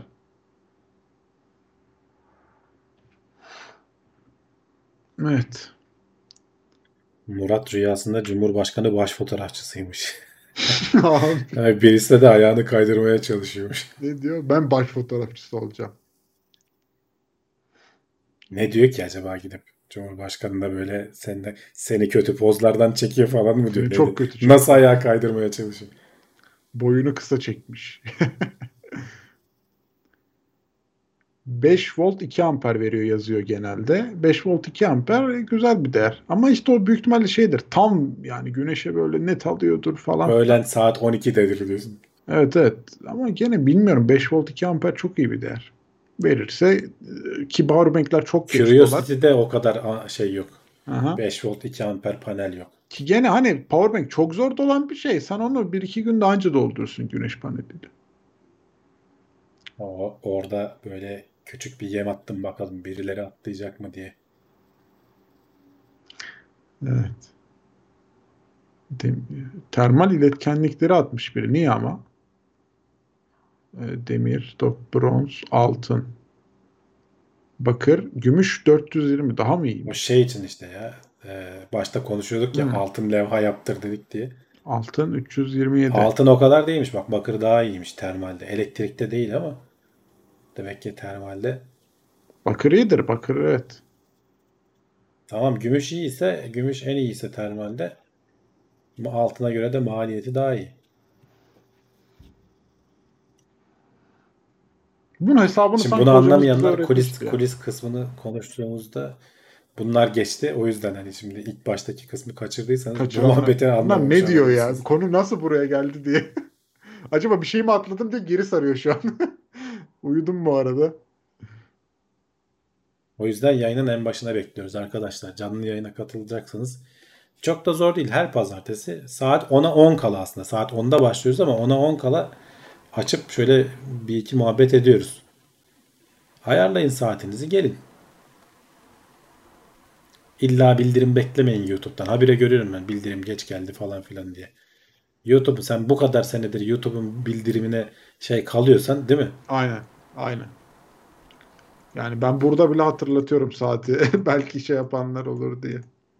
Elektrikte de gümüş birinciymiş bak ilginç. Ya onu herhalde bize hocamız bir hesap kitabını öğretmişti de şimdi hatırlamıyorum. Olabilir. Hesap kitabı Evet. var tabii canım. Ha, bize öğretmişti hani biz hatta kendimiz araştırıp e, yapmıştık diye hatırlıyorum ama Altın geçti. daha az etkileşime giriyor. Evet yani o paslanması bilmem nesi falan dertleri yok. Gümüş biliyorsun kararıyor mararıyor öyle şeyler oluyor. Yani şu an elektrik sektöründe şey bakır kullanılıyor fakat e, maliyetler çok arttı. Bakır kullanımı azalacak. Ya, alüminyuma geçiliyor. Alüminyum kaplı bakırlara geçiliyor bazı alanlarda. Hı. Bazı alanlarda direkt alüminyuma geçiliyor. Yani iletkenlik daha az ama maliyet de onunla beraber çok düşüyor. Ee, Nasıl ya? Alüminyum daha mı ucuz? Ucuz tabii canım. Bakırın şu an kilosu 90 95 lira civarlarında falan ki bakırın özgür ağırlığı çok yüksek. Bayağı ağır gelir. Hı. Alüminyum eee, daha düşük. Alüminyumla alakalı net fiyat veremem ama çok daha düşük. Ve hafif haliyle. O yüzden nakliyesi, işlenmesi gibi bir ton konuda çok daha Ama işte işlenmesi de biraz daha zor değil mi onun? ya Sert şey çünkü. açısından hani Bakır mesela- gibi değil. Evet evet. Ya ama işte o nakliye mesela ağırlıktan dolayı çok avantajınız var e, gibi gibi ve işte tabii iletkenliği orada biraz şey yapılabiliyor. Fakat e, şey e, Çocuklarda kodlama eğitimi hakkında ne düşünüyorsunuz demiş. Ee, Yani eğer merakı varsa yapılabilir ama biraz e, abartıldığını, aşırı abartıldığını düşünüyorum. Böyle okullarda falan böyle bir furya haline geldi. Bu da biraz para tuzağına döndü. E, algoritma öğretiyorlar. Hani öyle çok kodlama öğrenecek bir durumda olmuyor çocuklar. Algoritma öğretiyorlar. Herkes de kodlama öğrenmek zorunda değil. Hani ilgisi yoksa adam aşçı olacaksa ne yapacak kodlamayı niye öğrensin yani? Ya da ne bileyim sporcu olacaksa. O yüzden hani herkese ilkokulda zorunlu verilmeli mi bilmiyorum ben açıkçası. Yani daha böyle pratik şeyler verilebilir. Hani böyle Word, Excel falan gibi bunlar kullanılması herkesin hayatında yapabileceği, kullanacağı şeyler. Ee, ama hani kodlama herkeste olması gerekir mi onu bilemiyorum açıkçası. Biraz şey gibi. e, ticari anlamda şu an gazlanan bir şey. Zaten çocuğun merakı varsa belli bir yaştan sonra bir süre oyun oyunlarla falan takılıyorlar. Belli bir yaştan sonra kendi kendine ya ben bunu öğrenmeliyim deyip öğreniyor. Merak ediyor yani kendisi yapmak istiyor. Ama bir zararı da olmaz. Hani okul veriyorsa da vermeyin demeyin yani. Sadece siz hani böyle binlerce lira e, şeylere para gömmeyin diye anlamında söylüyorum ben. Kod ile algoritma arasındaki fark nedir demiş Mert Altıparmak. Ya algoritma e, kodun temeli diyebiliriz. Hani sonuçta sen algoritma bir şeyin e, nasıl yapılacağına dair yönergeler seti. Hani bilgisayara sen e, atıyorum şu işte e, kediyi şuradan şuraya hareket ettir dediğinde ona bir yönerge seti vermen lazım ki bilgisayar onu işleyebilsin sıradan bir şekilde. Algoritma bu ama kod dediğin zaman onun işte nasıl yazıldığı vesaire falan yazılan dilden dile değişiyor. Genelde bu kodlama dersinde dedikleri algoritma. Çocuklar çünkü daha neyi öğrenecek? Yani oturup da e, JavaScript komutlarında böyle işte tırnağın yani bir virgülü koymayı unuttuğun zaman çalışmayan şeyler. Çocuğa bunu öğretemezsin ki. Mümkün değil yani. O yüzden mesela bu Hevesi sketch, kırılır. tabii tabii sketch falan gibi şeyler, scratch gibi şeyler ne yapıyor? Böyle yazmalı da değil. İşte böyle sürükleyip bırakıyorsun. Döngüler möngüler kuruyorsun. O kodlamanın mantığı o mesela döngüleri kurmak. İşte ne bileyim if else eğer e, switchlerini anahtarlama şeylerini falan yapmak. Kodu bu. Algoritma e, onlar işte şey hatta e, Swift'in şeyi vardı. Swift Playground diye iPad'de vardı mesela ben onu ilk bir ara kurup bakmıştım ne öğretiyorlar diye. Onlar da öyle başlıyor. Algoritmayla başlıyor. Hani bu canavarı buradan buraya nasıl götürürsün? Evet evet. Diyorsun ki 3 kere ileri, 2 kere sağa, 4 kere ileri. Çocuk bunu öyle. Bunu bunun için de bilgisayar gerekmiyor bu arada.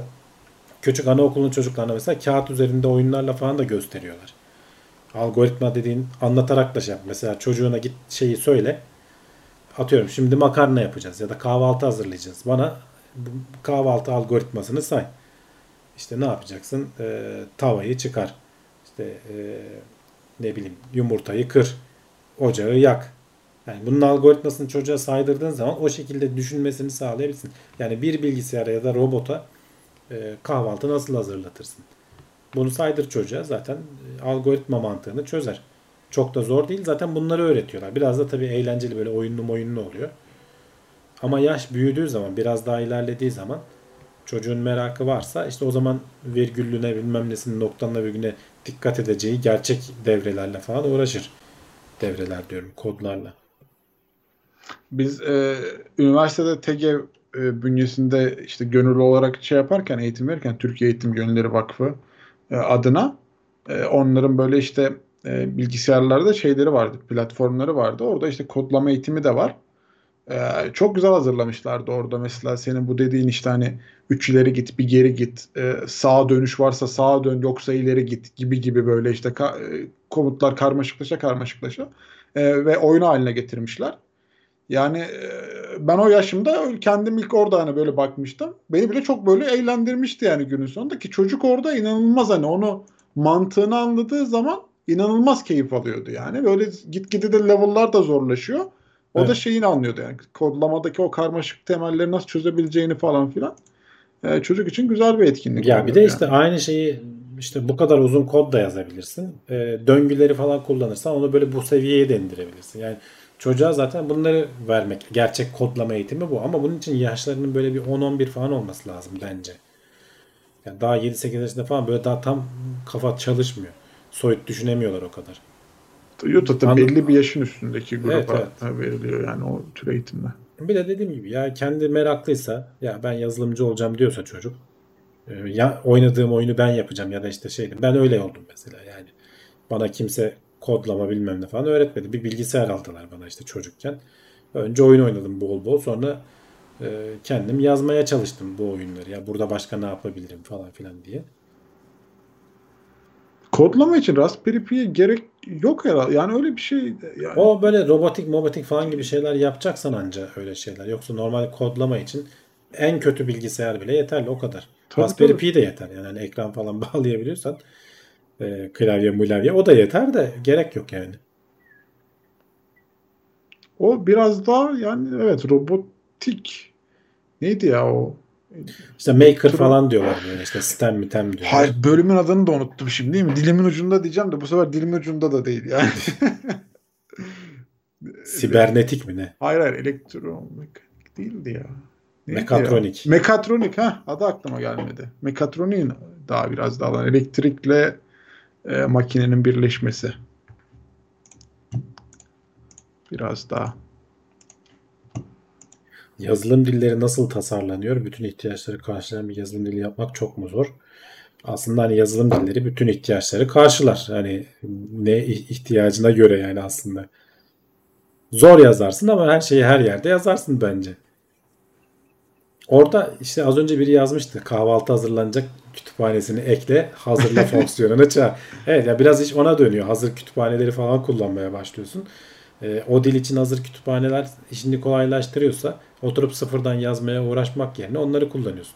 İşte mesela yapay zeka alanında Python niye çok aldı gitti? Çünkü deli gibi kütüphaneleri yazıldı. Her şey çok kolaylaştırıldı. Dil olarak da öğrenmesi falan nispeten kolay. O yüzden e, bir anda Python öne çıktı mesela. Yoksa şu anki diller zaten yapacağın çoğu şey için yeterli. Herhangi bir dilden bahsediyorum.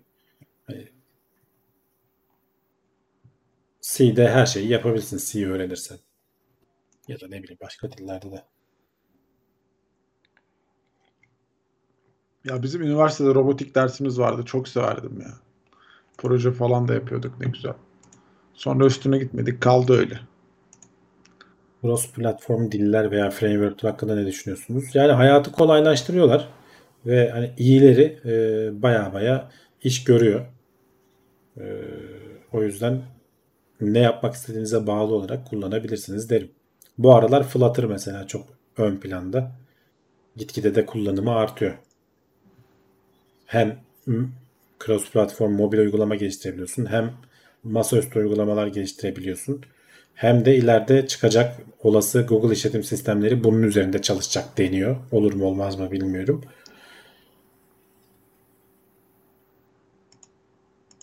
Evet. Ee, mekatronik makine ve elektronik karışımı ihtiyaçlar bu bölümde ortaya çıktı. Eskiden üniversitede makine ve bilgisayar bölümündeki mezunlar makine otomasyonu yapardı. Şimdi mekatronik bölümü var. İkisini evet, birleştirdiler. Evet, yani. Ya şeyler zaten birleşiyor artık biraz daha. Yani tek bir alanda uzman olayım, e, ben o işi götüreyim diyemiyorsun. Biraz daha farklı alanların e, hatta yani dok şeyler de e, öğretim görevlisi işte hocalar, proflar falan da böyle şeyleri öneriyorlar. Başka alanlardan da haberdar olun.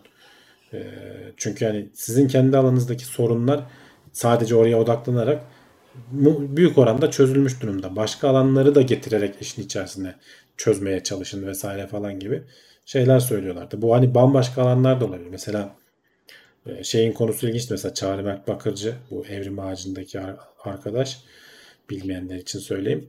E, robotların hani evrim mekaniği ile robotlar üzerine falan çalışan e, bir tez falan hazırlamıştı. Hani gördüğü şey oydu.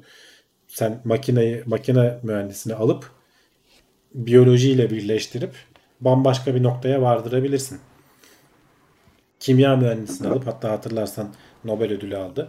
Ee, evrimleştirerek e, enzimleri geliştiren bir mekanizma gibi bir şeyden dolayı. Çünkü biz tasarlayamıyoruz. Çok kompleks şeyler. Ama evrim doğanın yaptığını taklit ederek en iyi enzimi evrimleştirebiliyoruz mesela. Al sana kimya mühendisliği alanında biyoloji. Yani artık bu noktaya geldik. O yüzden biraz böyle fikri açık olmak lazım. Her yerden her şey çıkabilir yani. Onu öneriyorlar. Böyle adamlar gerçekten yaratıcı oluyor diyorlar.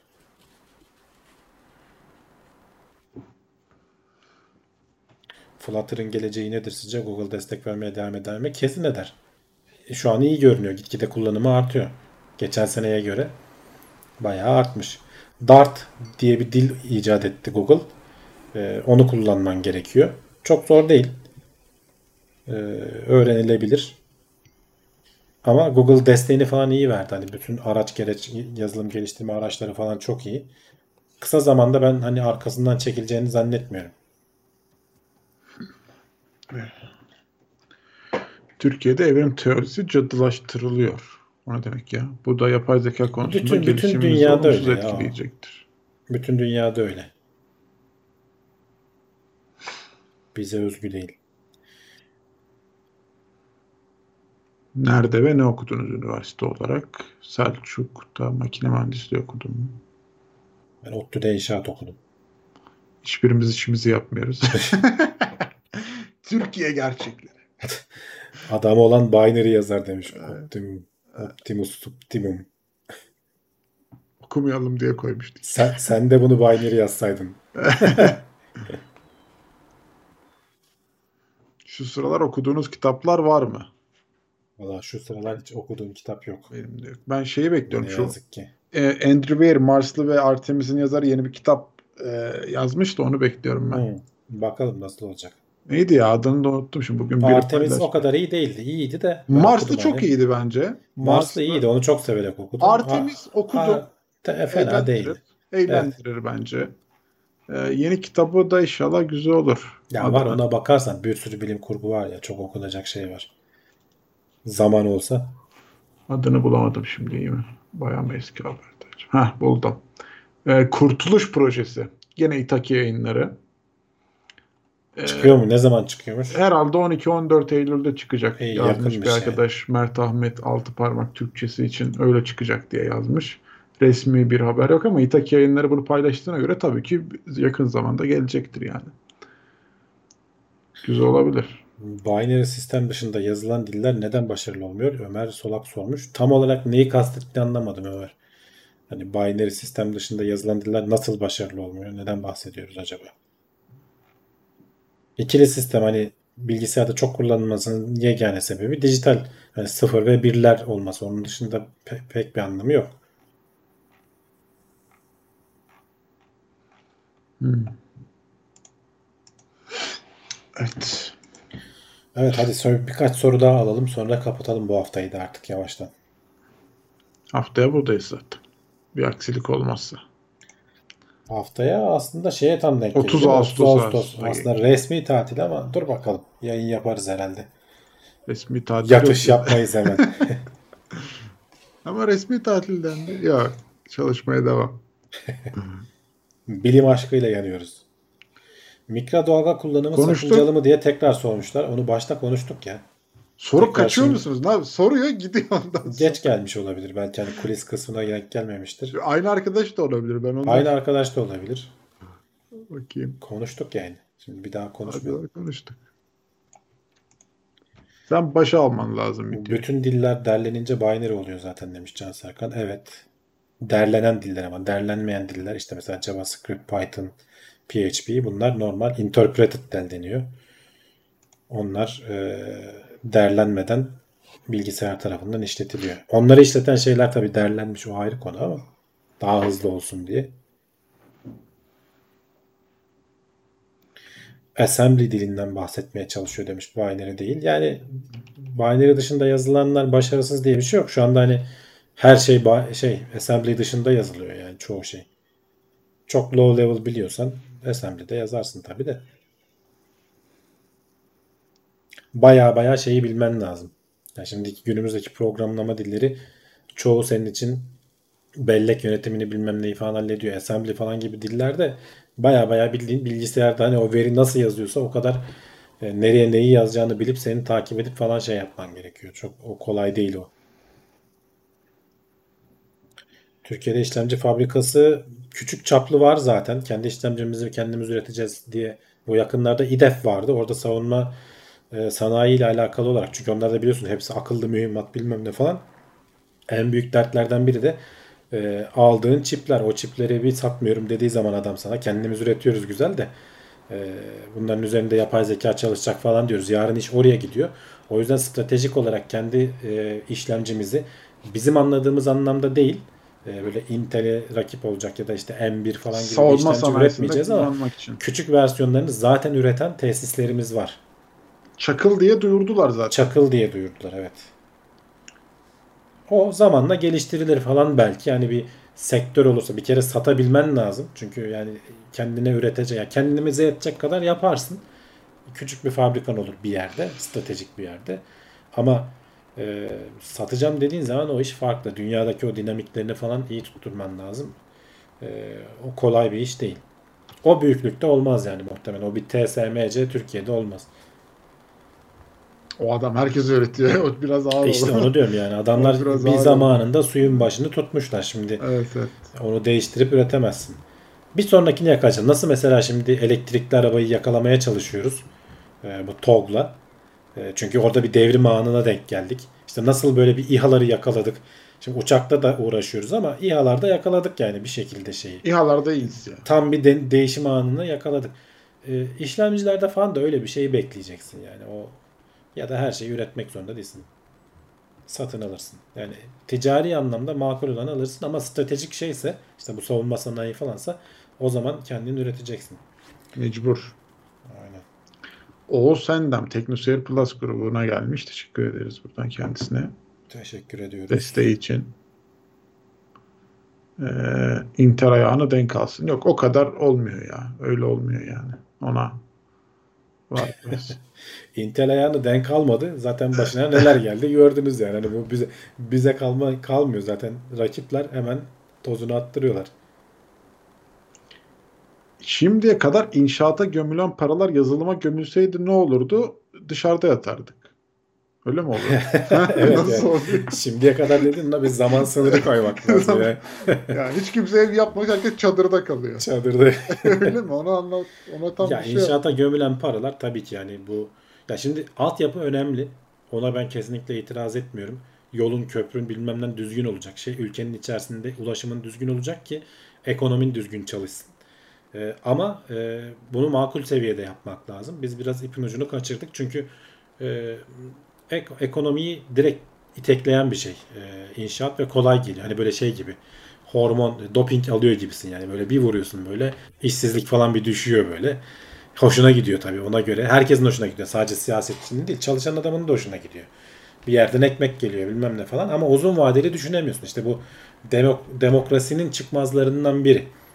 Şimdi 4 yılda 5 yılda bir seçim var. Adama uzun vadeli şey kolay kolay yaptıramıyorsun. O yüzden mesela bürokratik sistem olması lazım ki hani hükümetler değişse bile bürokratlar uzun vadeli düşünüp e, belli şeyleri hükümetlere kabul ettirsin. Hani onu yontsun falan. Kolay bir şey değil. E, keşke hani biz de o aklı gösterebilseydik. Şimdi yeni yeni gösteriyoruz işte. Az önce kuliste konuşuyorduk. Yarın stratejiyle e, ulusal yapay zeka stratejisi planı mı ne açıklanacak? E, bir yere varır inşallah. Yani keşke 15 sene önce açıklansaydı da ya da 10 sene önce açıklansaydı da yol almış olsaydık. Çok kötü durumda değiliz ama hani Türkiye genç nüfusuyla bilmem neyle falan e, iyi startuplar çıkarıyor. Farkındaysanız hep böyle unicornlar gitgide artıyor. E, bu trendi katlayarak arttırırsak daha iyi yerlere geliriz. Satılıyor ama ya bir süre sonra. Satılsın önemli değil. Türkiye'de olup olduktan sonra o para Türkiye'ye geliyor. Aynı adamlar başka iş kuruyorlar. Sonra bir daha satıyorlar aynı yazılımı bize. Ta- yani işte tamam yani sermayenin olmamasının da öyle bir yan etkisi var. Hemen satmak istiyor herkes. Riskleri büyütmeden zaten boğuşmuş yıllarca startuplıktan çıkarmış belli bir noktaya getirmiş. Tabii tabii ama o beyin durduğu sürece adam başka bir projeyle tekrar hayata gelebiliyor yani. O da bir Tabii, gerçek. tabii. O, o, o bir tecrübe sonuçta adam sıfırdan almış bir yere getirmiş. O tecrübe çöpe gitmeyecek. Birkaç sene o kafayı dinler, tatil yapar. Sonra şey dürter gene hani sıkıntı. Ee, Bir şeyler yeni, yapalım. Yeni bir, tabii bir şeyler yapalım. Yani hem de bu sefer sermayesi de olur elinde. Bu ekosistem gittiği bir büyür. Devletin bunları biraz daha desteklemesi lazım. Eğitim sisteminin desteklemesi lazım. Yetişmiş insanın olması lazım. Ya yazılımdan çok rahat, çok güzel ülkeye kolay para sokulabilir yani. Tabii, tabii. kullanılırsa. Derdi Süper yok, canım. tasası yok. Çok çok Bakarı yok, kokarı yok. 5 tane bilgisayar koy e, adamlar e, deli gibi büyük e, şey çıkarabiliyor. Oyun firması çıkarıyor işte. Aynısı aynı miktarda getiriyi ülkeye e, fabrikayla sokmaya çalışsan o da olmalı bak sadece bunu da yüklen demiyorum. Tabii ki sanayi de olacak ama daha büyük yatırım gerektiriyor. Daha çok emek gerektiriyor. Evet, emek emek orada çok önemli ya. Orada yani beyin emeği çok önemli. Twitter'ın yokluğunu hissediyor musun demişler bana. Hissetmiyorum çünkü açtım bir tane daha yan hesap. Geçiyor, devam. Oradan takip ediyorum. Onu Yapacak sildim şey diyor. Hamdi hayatımdan çıkardım eski Twitter'ı. Eski Twitter çıkarmadım. Bekliyorum. Hani onu açarlarsa geri dönerim eski hesabıma da. Haberleri oradan alıyoruz ya. Ne yapayım yani? Haber almak. Ben ben zaten çok yazmıyordum. Niye yasakladılar beni? O yüzden de anlamıyorum yani. Hani ne falsomu gördüler ama haber alma kaynağı ya. Yani insanlar oraya yazıyor. Neyse. Saat geçti. Evet, Haftaya- konu konuyu açıyor bazen. Uzuyor. Gene buradayız. Ee, evet. Öyle oluyor. Ekleyeceğimiz, çıkaracağımız bir şey yok gibi. Ee, bakalım. Pazartesi günleri bekleriz. 22 çift sıfırda diyelim o zaman. Görüşürüz. Kendinize iyi bakın. Hoşçakalın.